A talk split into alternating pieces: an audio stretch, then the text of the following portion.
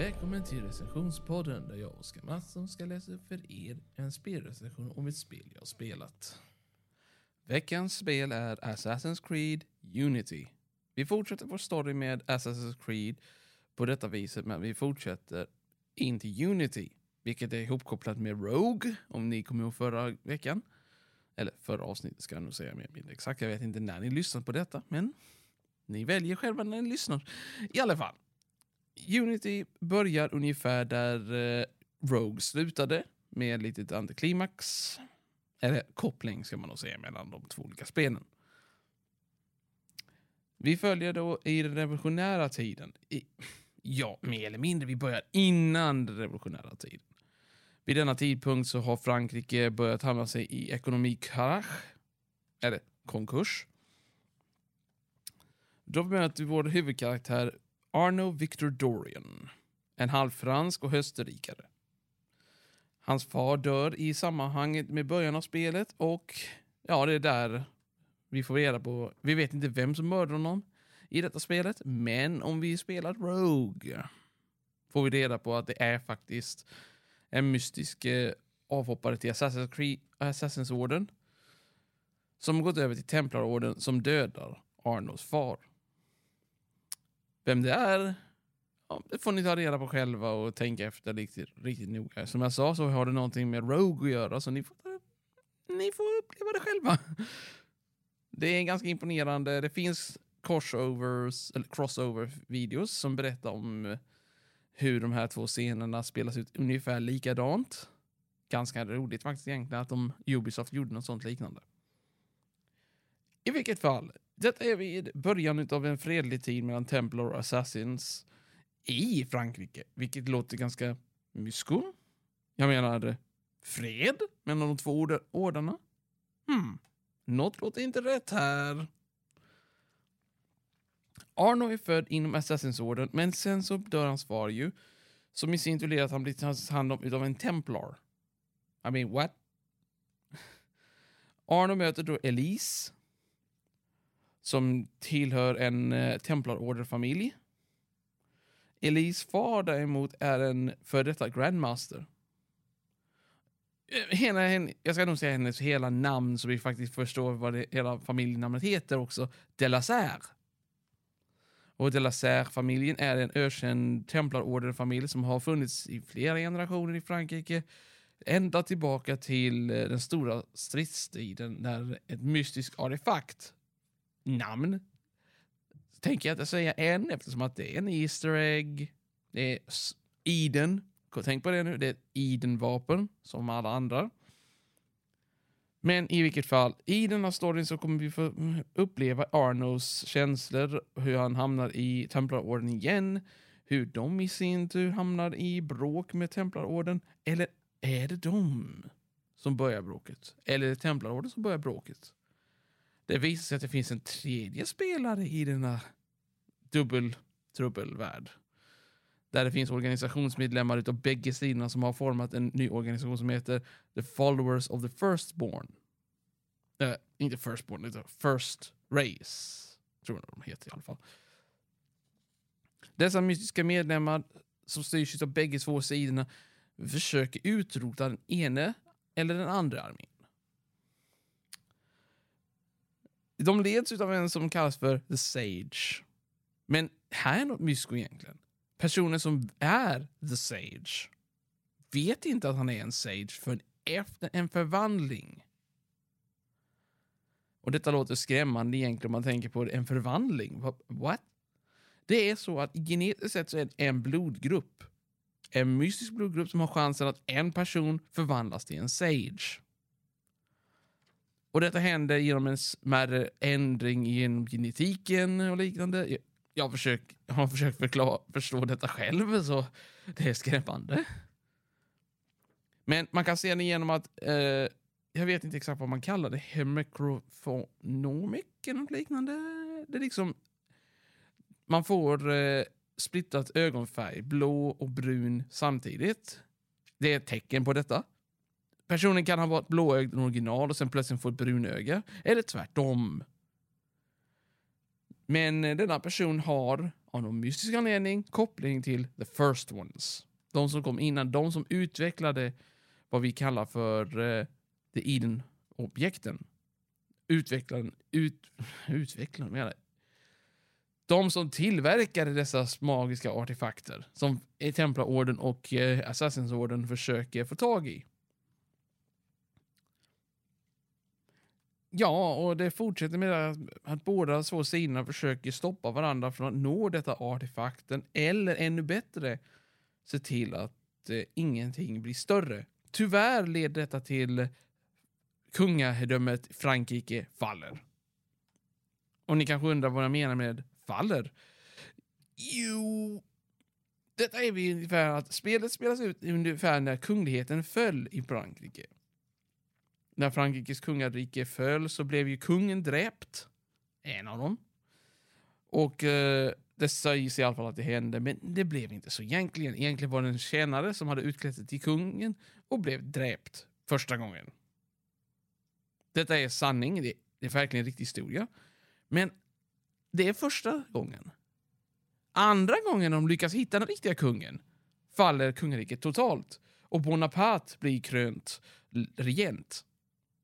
Ja, Napoleon ingår i, detta, i denna spelhistoria som är ganska imponerande. Man får se honom som en soldat, först i början, senare som eh, erövrare, sen en kunglighet. Men i sin tur får man höra att oj, han var inte så bra. Så spelet spelas ut men första gången han försökte ta makten, vilket ledde till att han blev se, såg som en stor ledare. Men i denna världen är det lite annorlunda. Skillnaden är att Bonaparte försöker ta makt mer än han ska. Han försöker få tag i en artefakt som tyder på att han kan ha kopplingar med de andra organisationerna. Men vem är det han tjänar mest? Sig själv eller, ja, Templar eller Assassin's Eller the first ones? Vem vet? Anna får också uppleva den sorgligaste saken som någonsin hänt i Assassin's Creed Story. När nära till honom, Elise de la Serre, dör. Detta leder till att han börjar undersöka konspirationen starkt inom bägge två sidorna och upptäcker att allt börjar med the first order, som de kallas, alltså the firstborns, eller first ones organisationen. Den organisationen som han möter kämpar ju för att få tag i ett Eden-vapen. Detta Eden-vapen heter The Sword of Eden. Ja, där kommer egentligen den informationen som ni väntade på, va? veta vilken Eden-vapen det är. The Sword of Eden vars förmågor är att kunna skjuta ut en energistråle i form av en laser. Jag menar, va? Hur mycket, hur mycket grejer behöver man ha egentligen? Ett svärd som skjuter en laser? Ah, ja. Detta spelet är också annorlunda på det viset eftersom att till skillnad från föregångna spel så har detta spelet fått det första multiplayer-spelet, eller det spelläge. Vill du upp några hundra procent av spelet måste du jobba med andra spelare. Och inte bara måste du, men du kommer kunna göra bonusuppdrag som involverar att du måste vara fyra spelare för att kunna göra dessa grejerna. Och där har vi redan, när jag nämnde maxmängden spelare, fyra ni kan vara. Detta tillåter en att vara på olika, olika uppbyggnader. Du kan vara the bruiser, du kan vara the thinker, du kan vara, ja, ni förstår vad jag menar. Det finns fyra alltså olika former av spelsätt att vara. Du kan vara enastående, du kan vara lite allt möjligt, du kan vara bara en av huvudgrejerna som du fokuserar på och liknande. Jag kommer också nämna att det finns en DLC som var tänkt att vara betald, köpbar, men blev ändrad till free till alla eftersom att de stoppade processen. Många personer, som mig själv, köpte guldversionen eller högre. Men när jag tänker efter, det fanns bara guldversion som högst vid den tidpunkten. För det, här fanns, det var den här tidpunkten där man fick antingen köpa allt eller bara basdelen. Jag köpte guldversionen för jag tänkte, hej, jag gillar Assassin's Creed, varför inte testa? Och spela det med maxmängden material. Efter två månader får vi höra, eller två ska jag inte säga, efter fyra månader med att försöka fixa spelet säger skaparna nej, vi ger upp. Ni som köpte guldversionen får ni får alla grejerna som vi planerade skulle ges ut med guldversionen och basspelet. Och ni får välja ett nytt spel. Jag valde ju det dyraste med detta korsändringen. Men det var därför jag inte hade någon tanke på någon av de andra spelen. Eller så ägde jag redan de andra spelen. I alla fall, tillbaka till eh, DLCn som jag nämnde. Dead Kings heter den. Dead Kings handlar om eh, Arnos fortsättning. Eh, ungefär som kapitel 13, 14 kan man säga. Utav storyn. Eftersom att spelet brukar vanligtvis sluta vid 12. Och sen en epilog. Och. Ni förstår vad jag menar i alla fall. I Dead King så följer vi Arno i ett nytt område vid Frankrike, utkanten. Där han ska hjälpa, en, hjälpa sig själv, hitta sig själv.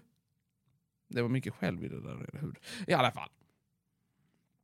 Han försöker hitta, stoppa en organisation som kämpar i hemlighet för Napoleon.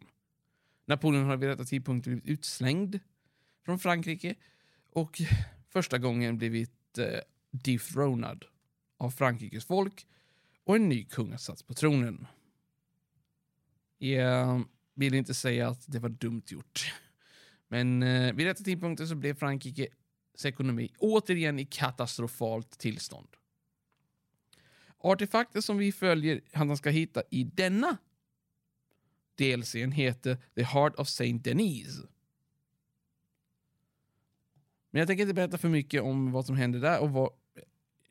Jag ska bara avslöja vad den gör. Heart of Denis... The Head of Saint Denise... som det heter, inte Heart. Fan, jag ska, ursäkta mig, jag sa fel. The Head of Saint Denise tillåter en att kunna kalla fram skuggor av alla som ser den. Det låter mysko egentligen. Det är ju en form som en lampa som man tänker, okej, okay, skuggor vadå? Från ditt inre jag. Du dör av dig själv. Dina onda tankar tar manifestation och slukar dig från insidan ut. Uh.